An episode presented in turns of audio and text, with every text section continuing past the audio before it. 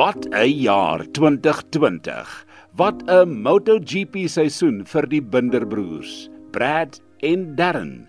En wat 'n jaar vir Suid-Afrika. 'n Jaar met sy COVID uitdagings, maar dit sal ook onthou word as 'n superjaar vir die sportsoort. 'n Jaar wat die belangstelling in die sport met rasse skrede gegroei het en almal ken die twee broers van Kreursdorp, seuns van twee ongelooflike trotse ouers. Trevor en Sharon Binder van Kreersdorp. Tranmere side by side, brilliant! Pinches second place off Miller on the last lap, his first ever podium.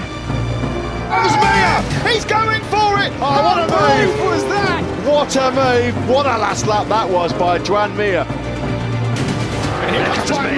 He attacks straight away. And that's just class, absolute class. Up into second place. Joan Mir has gone through. And the checkered flag is out. Suzuki absolutely delirious. But here comes Mir again. Miraculous from Joan Mir, who wins here in Valencia. Joan Mir is the 2020 MotoGP World Champion.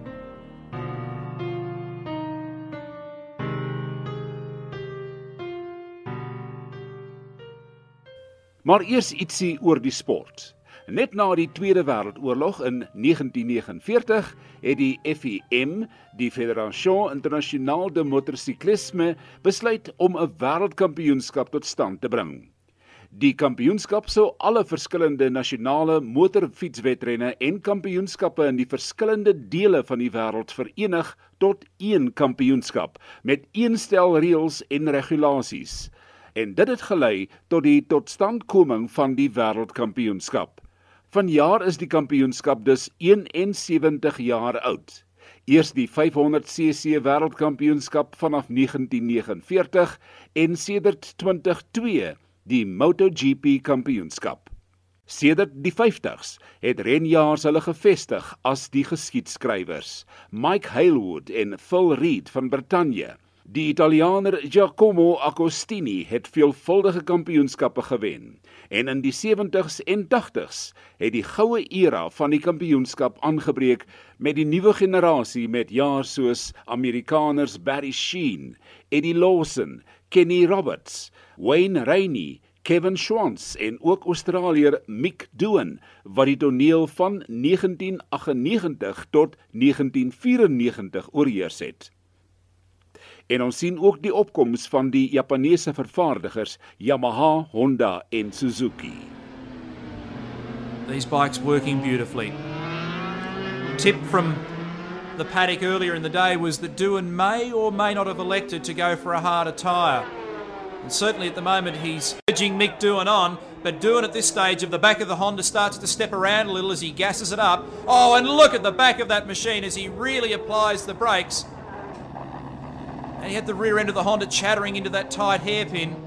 And I tell you what, just watching the body language, uh, language from Mick Doohan at the moment would suggest that he is giving it 110%. And I wouldn't mind betting he's a tad frustrated. Staggered by the way the Yamaha comes up over the top of the tunnel there, you'd swear for all money that Rainey was going to run out of room. Just pulls the Yamaha back in time and gets it back online. But this is a beautiful performance from Rainey. En toe breek die moderne era aan en die man Valentino Rossi verskyn op die toneel in 94 en hy het die sport sekerlik die grootste hupstoot ooit gegee met maklik die meeste ondersteuners in die geskiedenis van alle groot name. En so gepraat van name, Giacomo Agostini het die beste rekord met 15 wêreldkampioenskapstitels. Angel Neto is tweede met 13 wêreldkampioenskappe en Valentino Rossi, Mike Hailwood en Carlo Ubiali is derde met 9 wêreldkampioenskapstitels elk. Behalwe die jaar 1954 toe daar 'n konflik was met sekere spanne se vereistes, het die volgende 3 fabrikate die meeste titels: Honda 25, Yamaha 14 en Augusta 16. Die lande met die meeste titels is Japan 46. Dis na aanleiding van die fabrikate Italië 22 en Brittanje 3. Van jaar 2020 word gekenmerk deur die uitbreek van die koronaviruspandemie en alle sportsoorte se beplanning word in die wiele gery, so ook MotoGP. Maar min het ons geweet watter ongelooflike jaar voorlê. 9 verskillende MotoGP wenners in een seisoen en slegs 14 Grand Prix op die rooster.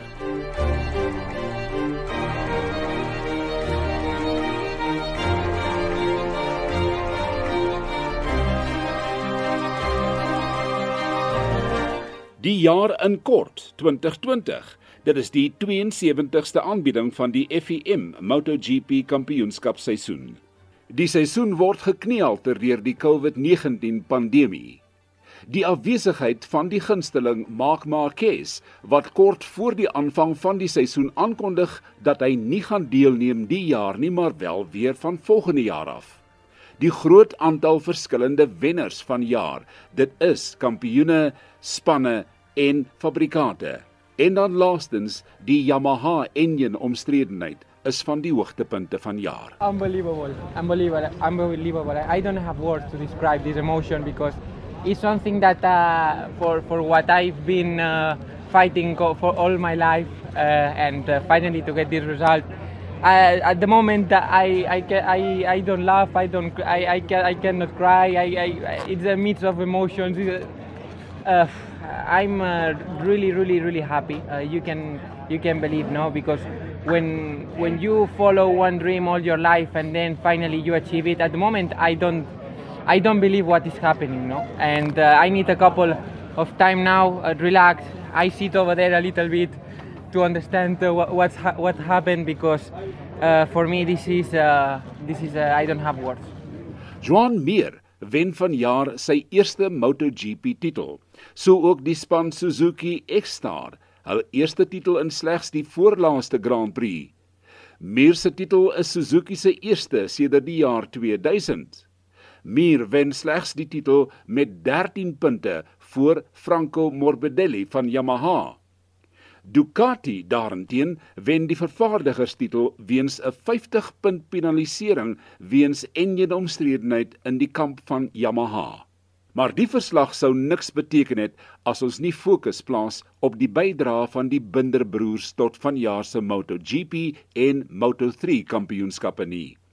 Die Suid-Afrikaanse media het groot belangstelling getoon in die sport, anders as ander jare en van 'n ondersteunersoogpunt hernieude belangstelling sedert die sport Suid-Afrika verlaat het toe Valentino Rossi begin naam maak het. I knew I could still do it even though I started last because all weekend I've been working really hard on all tires. He will be overtaken for third.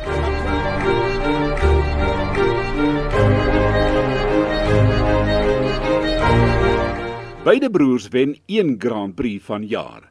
Brad die Tsjechiese Grand Prix op Brno op 9 Augustus. Hy eindig die kampioenskap in die 11de posisie met 87 punte en sy broer Darren die Katalaanse Grand Prix op 27 September in Montmello. Hy eindig die Moto3 kampioenskap in die 8ste plek met 122 punte. Ons het aan die begin van die jaar voorsien dat slegs 1 of 2 oorwinnings voldoende sal wees, aangesien dit Brad se eerste jaar in die Premier klas is. Brad word ook bekroon met die MotoGP nuweling van die jaar titel. Hy kon ongelukkig nie deelneem aan hierdie program nie, maar op 'n vraag, is hy tevrede met sy prestasie? 'n Besliste nee, sê die jongman.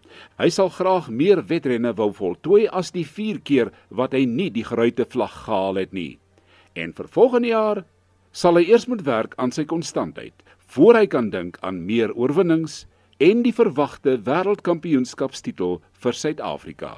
Miskien eendag.